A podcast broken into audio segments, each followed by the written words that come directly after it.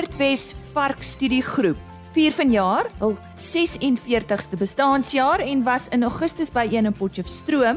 Christelise Miller het daar gaan inloer en uh, ons sou hoor van Dr Pieter Grimbeek en ook uh, Dr Johnny van der Merwe.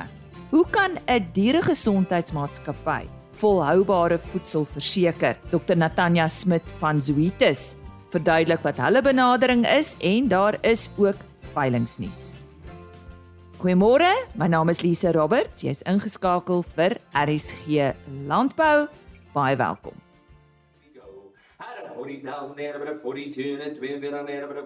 In hierdie week se veilingnuus, môre 26 September, Leeupoort Sementalers produksieveiling van Gert Ninaber. Op 28 September, die 35ste produksieveiling van New Alkite Bonsmara Groep, dis by die Warmbad Veemark op Bella Bella. Dan het ek verlede week met Mike de Kok en hulle kuddebestuurder Pieter Hamman van Hansu Bonsmaras oor hulle veiling gesels is op 29 September op die plaas Leeupoort in die Rustenburg omgewing. Ook op 29 September en Mike de Kok het daarna verwys, dit is die 13de produksieveiling van Mazel Magaliesberg groep Bonsmaras en uh, dit word gesamentlik aangebied met Hansu Bonsmara se veiling by die plaas Leeupoort op Rustenburg. En op 6 Oktober, Hoëveld Bonsmara klap produksieveiling by Sernik. Dit is dan uh, hierdie week se veilingsnuus. Ons fokus die afgelope tyd op klimaatslim boerdery. Ja, dit is die toekoms. Maar hoe kan 'n dieregesondheidsmaatskappy volhoubare voedsel verseker? Ons het onlangs met dokter Natanja Smit van Zoetis hieroor gesels. Sy is hulle bemarkingsbestuurder herkouers. Zoetis se doel is om die wêreld en die mensdom te koester deur die bevordering van dieregesondheid. Nou met hierdie doel as fondasie het ons besluit dat dit een van ons besigheidsprioriteite moet wees die bevordering van 'n gesonder, meer volhoubare toekoms vir ons almal. En dit is hoekom Zoetis ons driven to care volhoubare strategie in plek gestel het. Hierdie strategie het spesifieke ooreenkomste en doelwitte wat ons glo aan hierdie prioriteit gaan voldoen. Nou, ons Driven to Care het fokus op drie hoofareas: die ondersteuning van ons gemeenskappe, kliënte en kollegas, die beskerming van die planeet en innoverende dieregesondheid. So, soos wat ons nou produkte en dienste lewer wat die gesondheid van diere bevorder, moet ons in ag neem hoe ons ons hulpbronne bestuur en die impak wat ons op on, op ons omgewing het. So in ons driven to care en daai beskerming van die planeet is twee van ons strategiese doelwitte die strewe na 100% hernubare elektrisiteit en koolstofneutraliteit teen 2030. Ons heroorweeg ook ons verpakking en dit is in hierdie strewe na groener oplossings wat insluit hoe ons produkte dan, dan nou toegedien word wat eintlik werklik beteken dat ons kliëntgesentreerde innoverende oplossings vind wat ook 'n kleiner omgewingsvoetspoor los en um, die welstand en gesondheid van diere bevorder. Maar hoe verseker 'n dieregesondheidsmaatskappy 'n volhoubare toekoms vir ons almal? Okay, so in my um, voorbereiding vir hierdie onderhoud het ek raak gelees dat die Verenigde Nasies se landbou en ehm um, voedselorganisasie beweer dat die lewende hawe tans die lewensbestaan van 1.3 miljard mense verseker reg rondom die wêreld.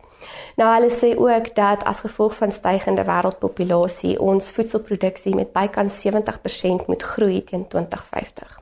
Nou as jy hierdie in ag neem, die stygende wêreldpopulasie en ons omgewing wat konstant besig is om te verander, het boere nou meer as ooit eintlik innoverende oplossings nodig om meer voedsel te produseer met minder hulpbronne. Nou dis vir ons sou het is as 'n dieregesondheidsmaatskappy inkom want ons weet dat gesonde diere is meer produktief. En nie net dit nie, ehm um, wanneer jy gesonde diere het, bestuur jy jou hulpbronne meer effektief want jy het natuurlik minder sterftes. Nou, ehm um, ons wetenskaplikes is werklik op die voorvoet van die innovering van die opsporing, voorkoming en behandeling van siektes wat dan nou op die ou end beteken dat ons boere gesonde, meer produktiewe kuddes kan besit um, wat hulle lewensbestaan natuurlik verseker en vir ons veilige volhoubare voedsel verseker. En so gesels Dr Natanja Smit, sy is bemarkingsbestuurder herkouers vir Zoetis.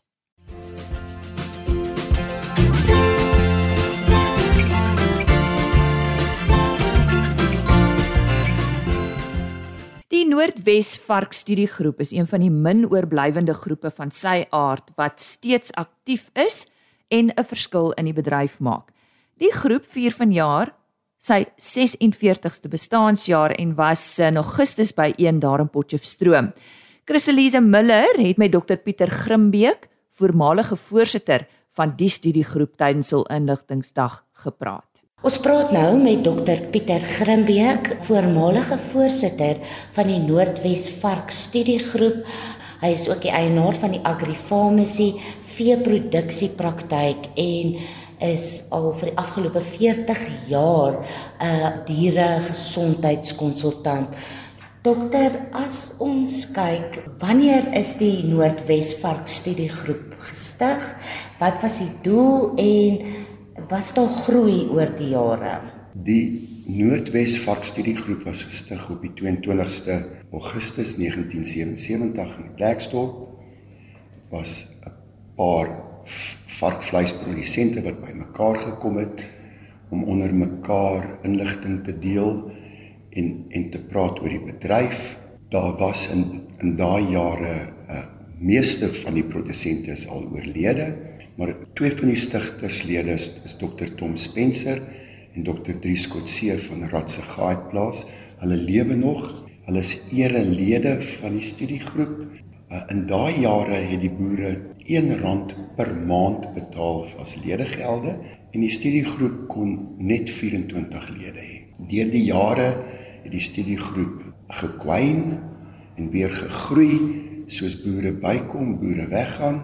Vandag by ons studiegroep was daar 150 mense. Baie produsente, baie mense van die handel, mense wat belangstel in die varkbedryf. Die doel van die studiegroep is om boere met die jongste nuutste inligting te voorsien wat vir hulle kan beter produsente maak, beter volhoubaarheid produsente. Ons probeer op ons studiegroep altyd vier sprekers te hê van verskillende dissipline. Ons het gehad 'n spreker wat oor voeding gepraat het. Ons het 'n spreker gehad van Spanje af wat oor enstowwe gepraat het. Ons het 'n ekonoom gehad wat oor die ekonomie gepraat het, toekomstige stygings en dalings in varkvleispryse, ander kommoditeite. Ons het ook vandag gehad 'n maatskappy wat gepraat het oor 'n interessante onderwerp soos inflammasie en wat se effek inflammasie het op 'n dier se produksievermoë al dan nie. Dit is sulke goed wat ons ons boere, ons produsente net beter boere maak en hulle volhoubaar maak vir die toekoms en hulle jaar na jaar laat terugkom na die Noordwes studiegroep. Want dokter, dit is een van die min aktiewe studiegroepe in die land en vertel vir ons wat is dokter se betrokkeheid? Daar is 'n ander studiegroep in Polokwane. Ek dink hulle ontmoet een keer 'n jaar of miskien twee keer. En die ander studiegroepe het dit net nie gemaak nie. Hulle het almal so stadig gedood gesterf. Ek was vir die afgelope afgelope 10 jaar die voorsitter. Ek het vandag natuurlik uitgetree. Ek voel dis tyd vir jonger mense om oor te neem as wat ek het, maar ek gaan natuurlik nie weg nie. Ek sal altyd die studiegroep bywoon. Die studiegroep lê na my hart. Die studiegroep groei om twee redes. 1. Ek dink ons doel is om nie geld te maak uit die bedryf nie. Ons tweede doel is om boere toe te rus met inligting en na die studiegroep hou ons nooit 'n groot party Ons hou dit van 1:00 die middag tot 4:00 die middag. Studiegroep is daar om boere inligting te gee. Dis my eerlike opinie. Dis nie daar om 'n partytjie te hou nie. Dis nie daar om sosiaal te verkeer nie, alhoewel dit baie belangrik is in die groot prentjie.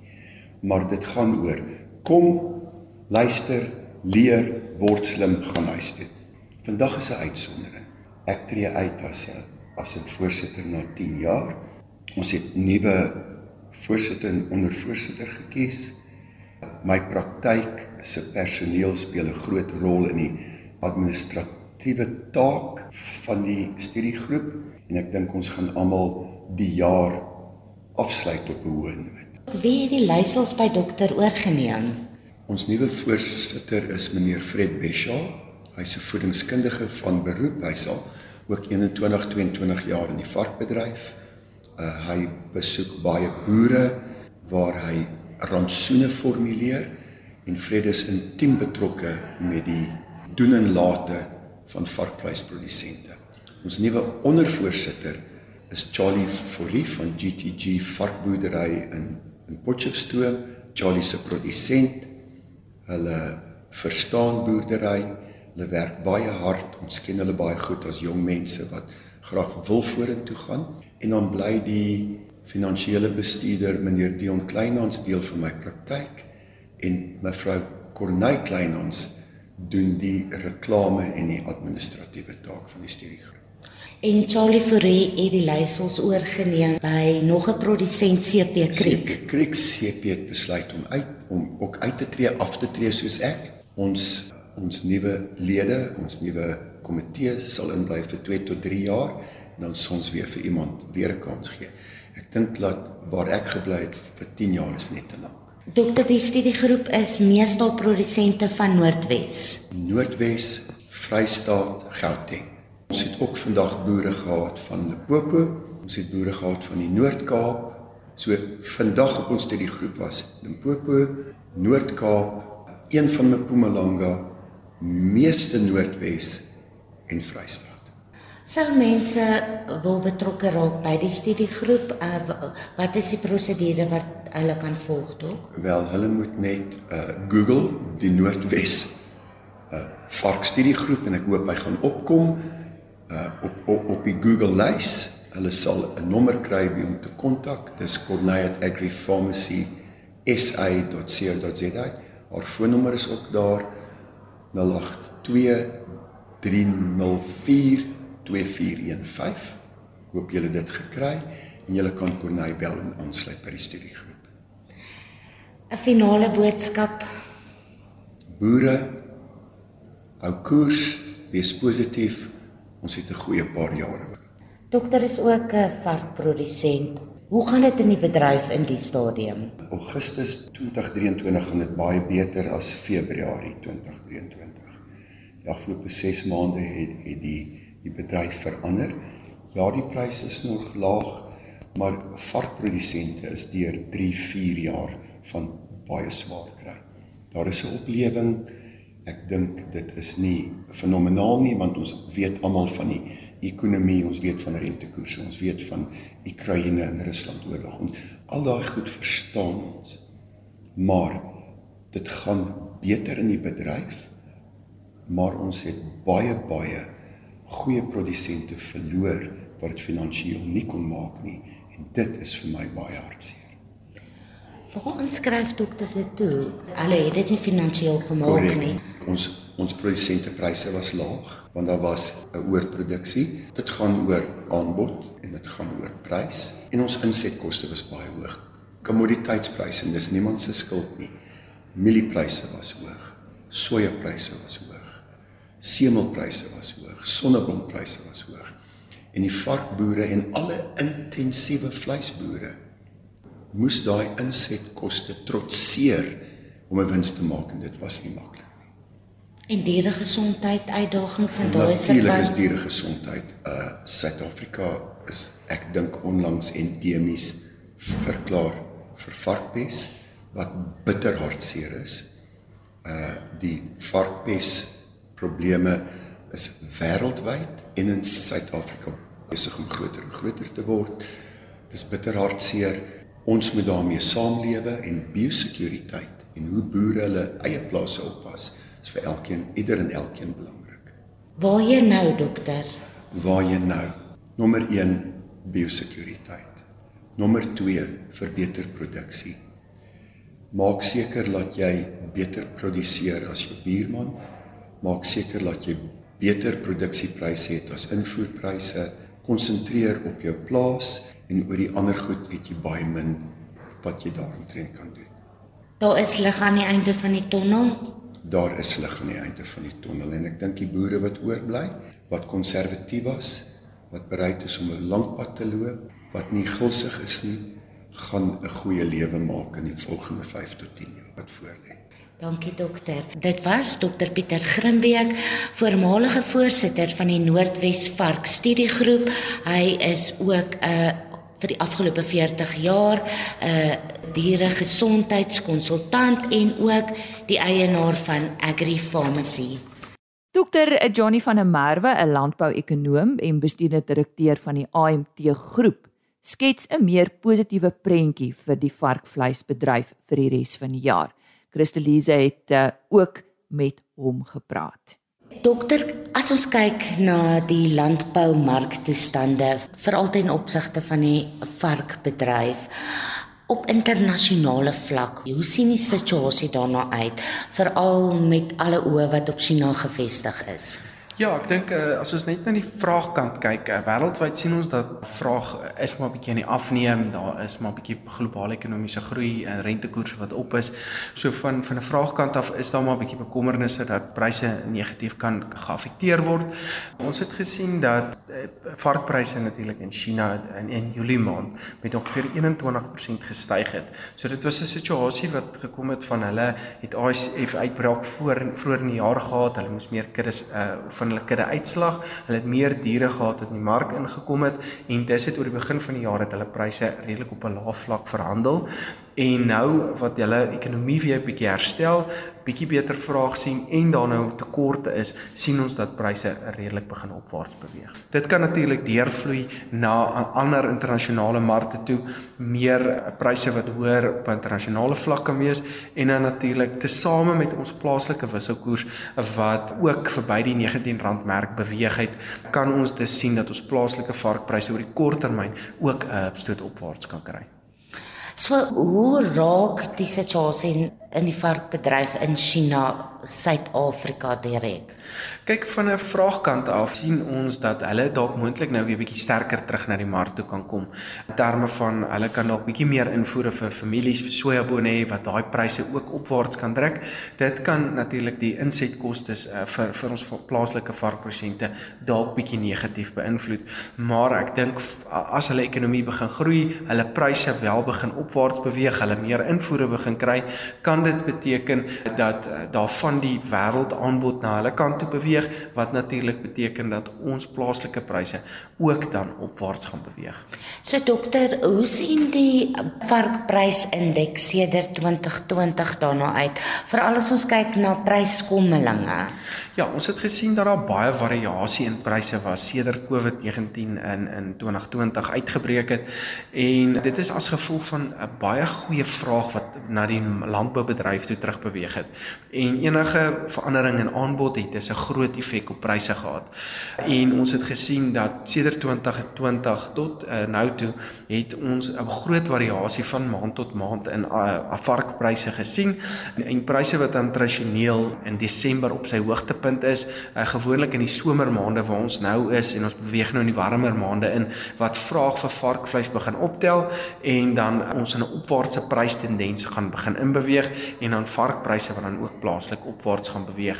Ek dink egter ons het bietjie wegbeweeg van die hoë vraagperiode. Ons is nie noodwendig meer in die tyd wat ons hierdie verskriklike hoë vraag vir landboukommoditeite het nie met rentekoerse wat wêreldwyd besig is om op te gaan wat bietjie geld onttrek by die verbruikers. En ek dink ons gaan dalk weer terugbeweeg na 'n periode toe waar ons nie noodwendig hierdie verskriklike prysvariasies gaan sien nie. En ek dink dis gaan ons nie noodwendig weer laas jaar se pryse haal in terme van van 'n uh, skerp opwaartse bewegings nie veral met ons plaaslike ekonomie wat ook redelik onder druk is. As ons praat van die prysfluktuasies, wat is dit gemiddeld? So ons gewoonlik sien ons in Junie, Julie maand dat varkvleispryse op sy laagste punt is, laaf vraag gewoonlik en dan uh, beweeg hy dan sy gewoonlik so kom ons sê tussen 5 en 7% onder gemiddeld en dan soos ons Desember toe beweeg, dan kan hy tot 15 of 16% hoër as die die gemiddelde prys in 'n jaar spesifiek na toe beweeg. Tans verhandel die pryse so tussen kom ons sê R31 en R33 afhangende van die kwaliteit en die en die spesifieke eh, klassifikasie van die diere ja. As dokter nou sou waag om dokter se nek uit te steek, hoe sien die situasie ten opsigte van die varkpryse vir die oorblywende deel van die jaar daarna uit. Ja. Ja, ek dink verseker gaan ons nou ons het klaar gesien dat die pryse begin draai het. Hierdie pryse sy bodem bereik en ek dink ons gaan nou redelik in 'n opwaartse tendens bly uh, vir die res van die jaar die effek wat China het en die vraag wat hulle het kan dalk 'n ekstra uh, uh, addisionele uh, opstoot aan ons plaaslike pryse gee maar weer eens ek dink ek voel plaaslike vraag is nie noodwendig daar uh, laat ons uh, weer die 38 39 rand merk al wat ons laas jaar gehaal het nie my gevoel is dan eerder hier na 36 37 rand 'n uh, klein bietjie laer as wat ons laas jaar gehad het maar ek weer eens ek dink as die Chinese mark sterker terugkom en ons hulle baie meer in begin koop aangesien hulle baie klein kudde op hierdie oomblik het of 'n kleiner kudde het en hulle kan sterker na die mark toe terugkom, kan ons wel laas jaar se pryse wel bereik. En die veevoerpryse Ja, dit is natuurlik 'n baie wisselvallige mark op hierdie oomblik. Enige nuwe nuus na die mark toe kom met 'n verskriklike groot effek op hierdie pryse. Die groot nuus voor was verseker die weeromstandighede in in in Amerika. Ons het redelik koeler weer nou die laaste paar weke gesien, beter be, reënval vooruitskattinge wat natuurlik pryse, mieliepryse, sojaboonpryse onder druk geplaas het. Ons verwag steeds 'n relatiewe goeie oes uit Amerika uit wat natuurlik pryse op 'n relatiewe laer vlak hou dink vir die nabye toekoms soos ons na hulle hulle oestyd toe ook beweeg kan ons dalk bietjie laer uh, pryse steeds handhaaf. Maar weer eens, ek dink die Chinese wat terugkom die mark toe, ons het vloede in China gesien die laaste tyd. Die varkvleispryse of die varkmark wat weer begin optel kan ook addisionele vraag vir mielies veral vir sojabone ook beteken en dit kan vir al die sojaboonprys 'n uh, 'n hupstoot gee as hulle meer moet begin invoer en hulle hulle kuddes weer begin vergroot. So ek dink vir die nabye toekoms voel ek steeds pryse kan sywaarts tot 'n klein bietjie afwaarts beweeg, maar soos ons na die einde van die jaar toe beweeg, kan pryse moontlik weer bietjie begin optel. Ons het gesien dat plaaslike faktore die laaste 3, 4 tot 5 jaar nie regtig 'n groot impak gehad het op pryse nie. Ons het meestal na Amerikaanse toestande gekyk. Suid-Amerika het 'n groot effek gehad as ons na mielie en sojabone kyk en dan die Chinese vraag het 'n baie groot impak gehad. So, ehm um, as ons weer na die Swartsee gebied kyk, het ons sonneblom en koringpryse weer dit het 'n baie groot effek op dit gehad. So ehm um, internasionaal het baie ons pryse geaffekteer. Ons is steeds op uitvoerpariteitspryse. So dit beteken ons produseer meer as wat ons plaaslik verbruik en ek dink vir die komende seisoen veral met die grondvog wat ons het, behoort dit nie noodwendig verskriklik te verander nie. Ek dink ons gaan steeds 'n uh, hopelik 'n goeie oes uh, kan afval oor die komende seisoen. Uh so ek ek hoop regtig dis die geval. So ek dink nog steeds as ons op uitvoerpariteitpryse dan gaan bly, kan ons steeds na internasionale faktore kyk wat ons pryse gaan lei. En uh, dit beteken dat ons kan dalk so 2 of 300 rand afkom in terme van daai 'n uh, prys vir alles ons steeds 'n relatiewe goeie oes het. Amerikaanse uh, weeromstandighede is ook beter. Hulle ons beweeg nou in El Niño in. Dit beteken hulle behoort weer meer reën te kry wat beteken hulle oeste behoort ook weer bietjie groter te wees in vergelyking met die vorige paar jare wat natuurlik wêreldpryse afwaarts kan druk. So my gevoel is hier rondom die R3500 vir volgende jaar Julie vir as ons na die na die mielieprys kyk. Opsommend dokter se boodskap aan varkprodusente en die varkbedryf in Suid-Afrika. Ja, ek dink pryse oor die kort termyn verseker kan goed opwaarts beweeg. Ek dink ons plaaslike daar is van ons plaaslike produksie het ook 'n uh, 'n knou gekry die laaste tyd met winsgewendheid uh, wat nie op vlakke was wat die kleiner boer kon hanteer nie. So ek dink plaaslik die boere wat steeds in produksie is, kan dalk 'n goeie beter tydperk begin inbeweeg. So ek dink hulle moet net moed hou en ek dink met wêreldtendense in terme van graan en sojabone wat ook besig is om te verander, kan ons dalk bietjie goedkoper voerpryse ook begin sien, hopelik bietjie beter varkpryse wat hulle marges dan ook op 'n volhoubare vlak kan sit. Christelise Miller dan gesprek met eh, Dr Johnny van der Merwe, 'n landbouekonoom en bestuurder van die AMT groep en uh, sy het met hom gesels tydens die Noordwes Varkstudiegroep se inligtingsdag in Augustus in Potchefstroom. En dis dan vandag se RSG landbou. Dankie dat jy saamgekuier het. Maak gerus môreoggend 25 oor 5 weer so. Totsiens. RSG landbou is 'n plaas media produksie met regisseur en aanbieder Lize Roberts en tegniese ondersteuning deur Jolande Rooi.